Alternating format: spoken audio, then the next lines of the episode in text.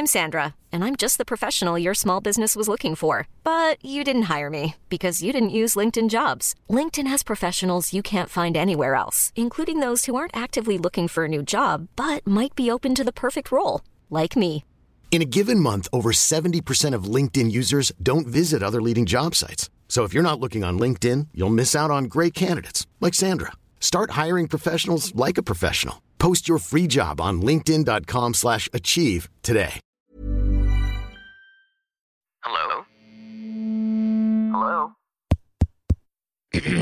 Podcast Network Asia. Network Asia. Haga logo, segemu gua ga. Sekarang podcast cuma sharing udah bergabung dengan podcast Network Asia. Akan ada banyak hal-hal menarik yang akan gue sharing di sini. Jadi jangan pernah bosan dengerin Sarah sharing terus. Haga logo, segemu gua ga. Apa kabar kalian yang lagi dengerin ini? Semoga sehat-sehat ya. Kali ini gue mau bacain salah satu email dari teman sharing. Oke, langsung aja. Halo Kak Sarah, sebelumnya terima kasih udah mau bacain cerita aku. Aku mau cerita tentang hubungan aku dengan orang yang aku kenal di dating apps. Berawal dari salah satu dating apps, aku kenal dia. Hampir setiap hari kita chattingan dan teleponan. Setelah satu minggu, dia ngajak aku buat ketemuan. Dia bawa aku ke tempat coffee shop gitu kak. Dia pinter banget buat cari topik obrolan. Awalnya aku biasa aja sama dia, kayak gak ada apa-apa. Tapi setelah aku ketemu dia, aku mulai nyaman sama dia. Setelah itu, kita mulai sering ketemu bahkan hampir setiap hari.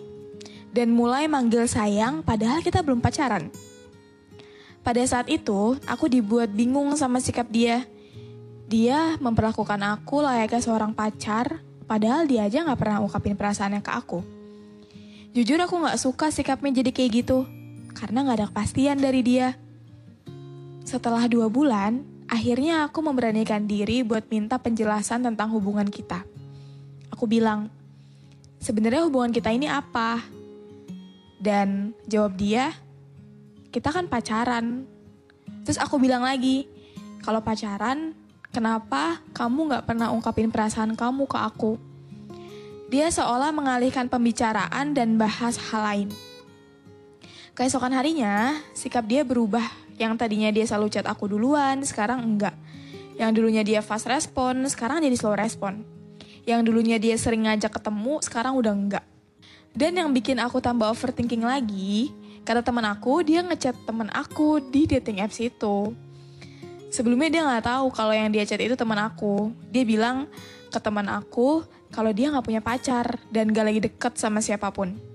Bahkan dia sampai ngajak jalan teman aku ini. Padahal pas itu aku juga ngajak dia jalan, tapi dia bilang dia nggak bisa. Pada saat itu aku sedih banget kak, nggak tahu lagi harus gimana.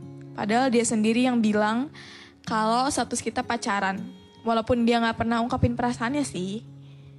Nah besoknya aku tanya lagi ke dia tentang hubungan kita. Dan dia bilang butuh waktu buat sayang sama kamu. Dan aku bilang lagi, terus kenapa kamu memperlakukan aku sespesial itu? Kalau kamu nggak sayang sama aku. Dan dia cuma diem. Terus aku kirimin screenshotan chatan dia sama teman aku. Dia nggak ada reaksi apa pun, kayak nggak ngerasa bersalah sama sekali. Bahkan gak ada kata maaf, chat aku cuma dirit. Aku bilang ke dia buat gak ngelanjutin hubungan ini dan dia cuma diem aja seperti yang aku bilang tadi. Gak ada rasa bersalah sama sekali. Aku pikir seenggaknya dia minta maaf, tapi gak ada sampai saat ini. Chat aku cuma dirit aja sama dia.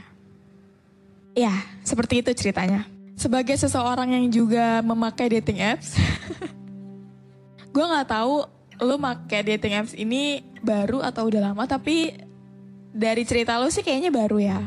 Dan si cowok ini sepertinya pemain lama. Walaupun gue main dating apps itu belum ada setahun, cuma gue udah menemukan beberapa cowok yang emang kayak gitu gitu loh.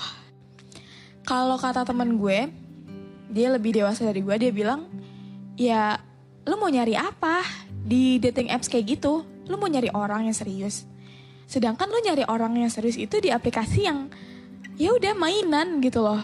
Yang kebanyakan orang main itu ya karena dia bosen, karena dia atau bahkan butuh validasi dan segala macam.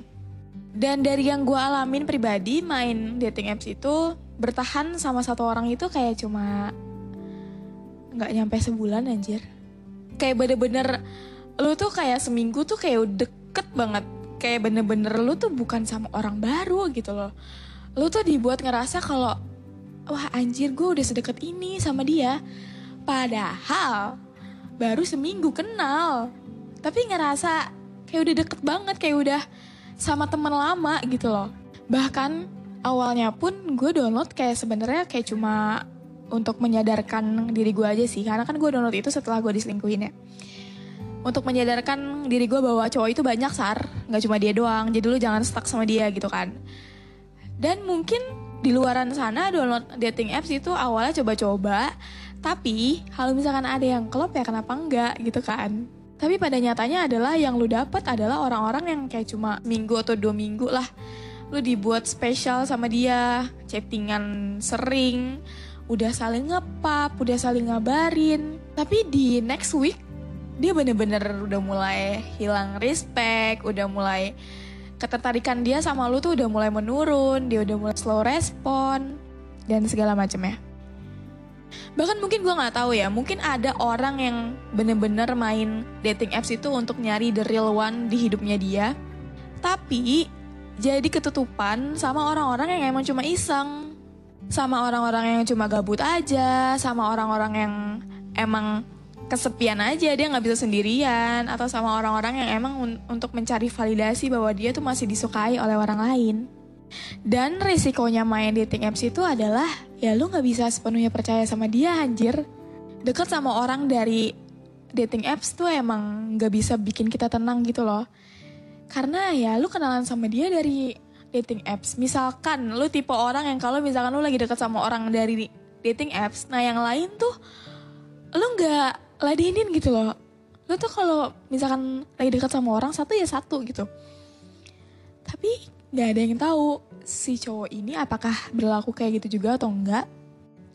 Pasti pun lu dibuat overthinking terus apakah dia masih swipe right ya, apakah dia masih nyari-nyari ya, apakah dia apakah dia chatan sama gue aja atau enggak?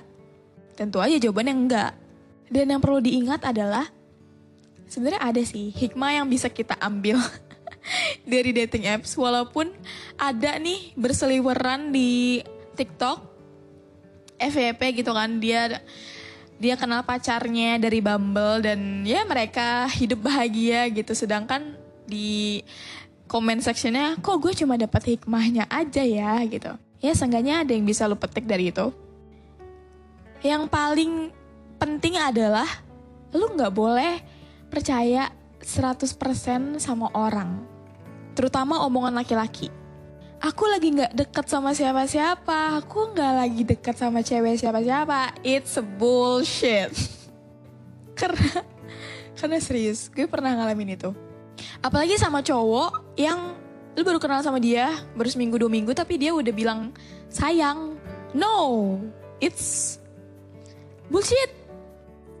Ya pasti ada sih satu atau dua orang yang bener-bener mungkin nyari yang benar gitu loh. Maksudnya nggak cuma main-main aja.